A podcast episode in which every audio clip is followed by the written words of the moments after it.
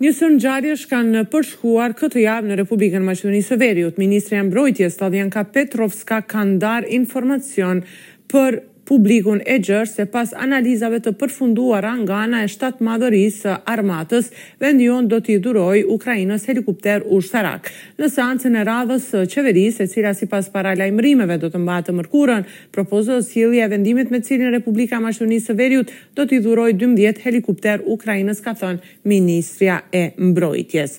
Ndërkaq, vazhdojnë pakënaqësitë në. grupin e të pakënaqurve të Bashkimit Demokratik për Integrim. Në mbledhjen e ardhshme të Kryesisë Qendrore do të kërkohet vazhdimi i debatit për llogaridhënien e ekzekutivit, ka thënë Blerim Bexheti, kryetar i Komunës së Sarajit, njëkohësisht nënkryetar i kësaj partie. Tonet mes dy grupeve janë ashpërsuar pas tubimit të fundit të partisë në Çair, ku Të pranishëm ishin mijra qytetarë që prisnin liderin Ali Ahmeti, e ku pati edhe kërcënimet të quajtura mos i dilni trenit apo uraganit përpara sepse ju shkel. Këto kërcënime, nënkryetari i partisë Izet Mexhiti i tha se Ali Ahmeti asnjëherë nuk i ka bërë të tilla as kundër kundërshtarëve të përbetuar politikë. Andaj është fare e pashpjegueshme sipas tij, Kjo situatë e krijuar dhe kërkon që të reflektohet sa më parë. Për më tepër do të ndjekim deklaratën e kryetarit të Komunës së Sarajit, nënkryetarit të partisë, Blerim Bexheti, rreth asaj se çfarë do të kërkojë grupi i të pakënaqurve apo grupi i zjarrit në mbledhjen e radhës që Bashkimi Demokratik për Integrim, e thërret me kërkesë të kryetarit për të biseduar për frontin evropian. Ndjekim deklaratën. Të dy raportet duhet shqyrtohen dhe duhet vazhdohet me raportin për që ka të bëjë me llogaridhënien që është transparencë, vlerë evropiane dhe besoj spaku më së paku pres që të vazhdohet debatohet për ato çështje që realisht edhe krijojnë dallime mes ekzekutivit dhe një pjese të konsiderueshme të anëtarëve të Bashkimit Demokratik për Integrim dhe gjithsesi se për në çdo fillim të mbledhjes miratohet procesverbali i mbledhjes të kalume që është pjesë e atij procesverbali edhe ky konstatim Dhe sigurisht se do të shqyrtohen edhe është e drejtë e çdo kujt që të propozojë edhe pika tjera. Në anën tjetër, sa i përket ndryshimeve kushtetuese, VMRO-DPMNE pretendon se nëntë deputetë socialdemokratë nuk dëshirojnë t'i votojnë ndryshimet kushtetuese, kurse siç thonë një deputet i BDI-së kërkon para për të votuar. Kovaçevski, sikurse Grubi, duhet të thonë nëse deputetët e LSDM-së saktësisht tre nga njësia e parë dhe e tretë zgjedhore, kanë thënë se nuk do t'i votojnë ndryshimet kushtetuese dhe nëse gjashtë deputetë tjerë kanë thënë se ndryshimet kushtetuese janë gjëja më e keqe që ka bërë qeveria. Gjithashtu Kovaçevski duhet të pyesë Grubin nëse një deputet i BDI-së ka kërkuar para për të votuar për ndryshimet kushtetuese, thonë nga VMRO-DPMNE.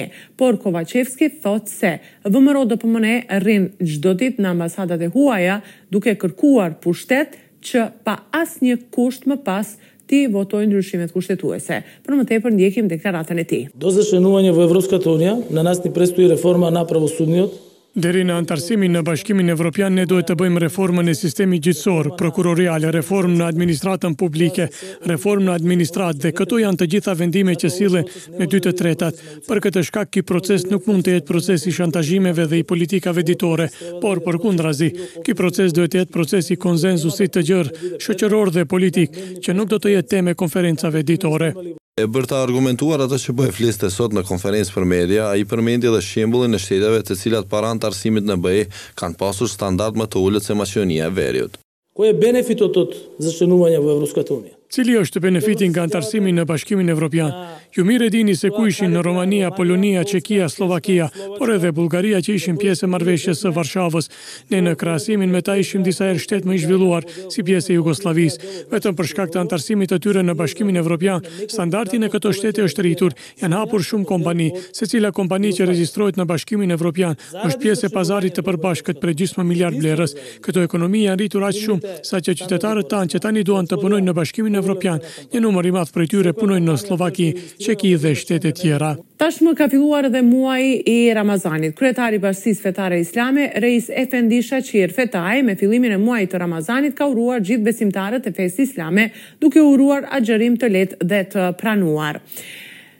Gjithashtu edhe lideri Ali Ahmeti ka uruar të gjithë besimtarët e fesë myslimane duke thënë se ky muaj uron që të shtojë mirëkuptimin dhe besimin në mes njerëzve. Ramazani e rikthen bashkimin e familjes në vijën vertikale dhe atë horizontale, Ai i afron prindërit me fëmijët dhe i bën të ndjejnë afërsinë e njëri-tjetrit, sikurse edhe të shijojnë kënaqësinë e të qenurit bashkë, vlerësojnë qytetarët. E me datën njëzet e katër mars janë bërë plot dhjetë vite nga marrja e pushtetit në komunën e Kërçovës nga shqiptarët.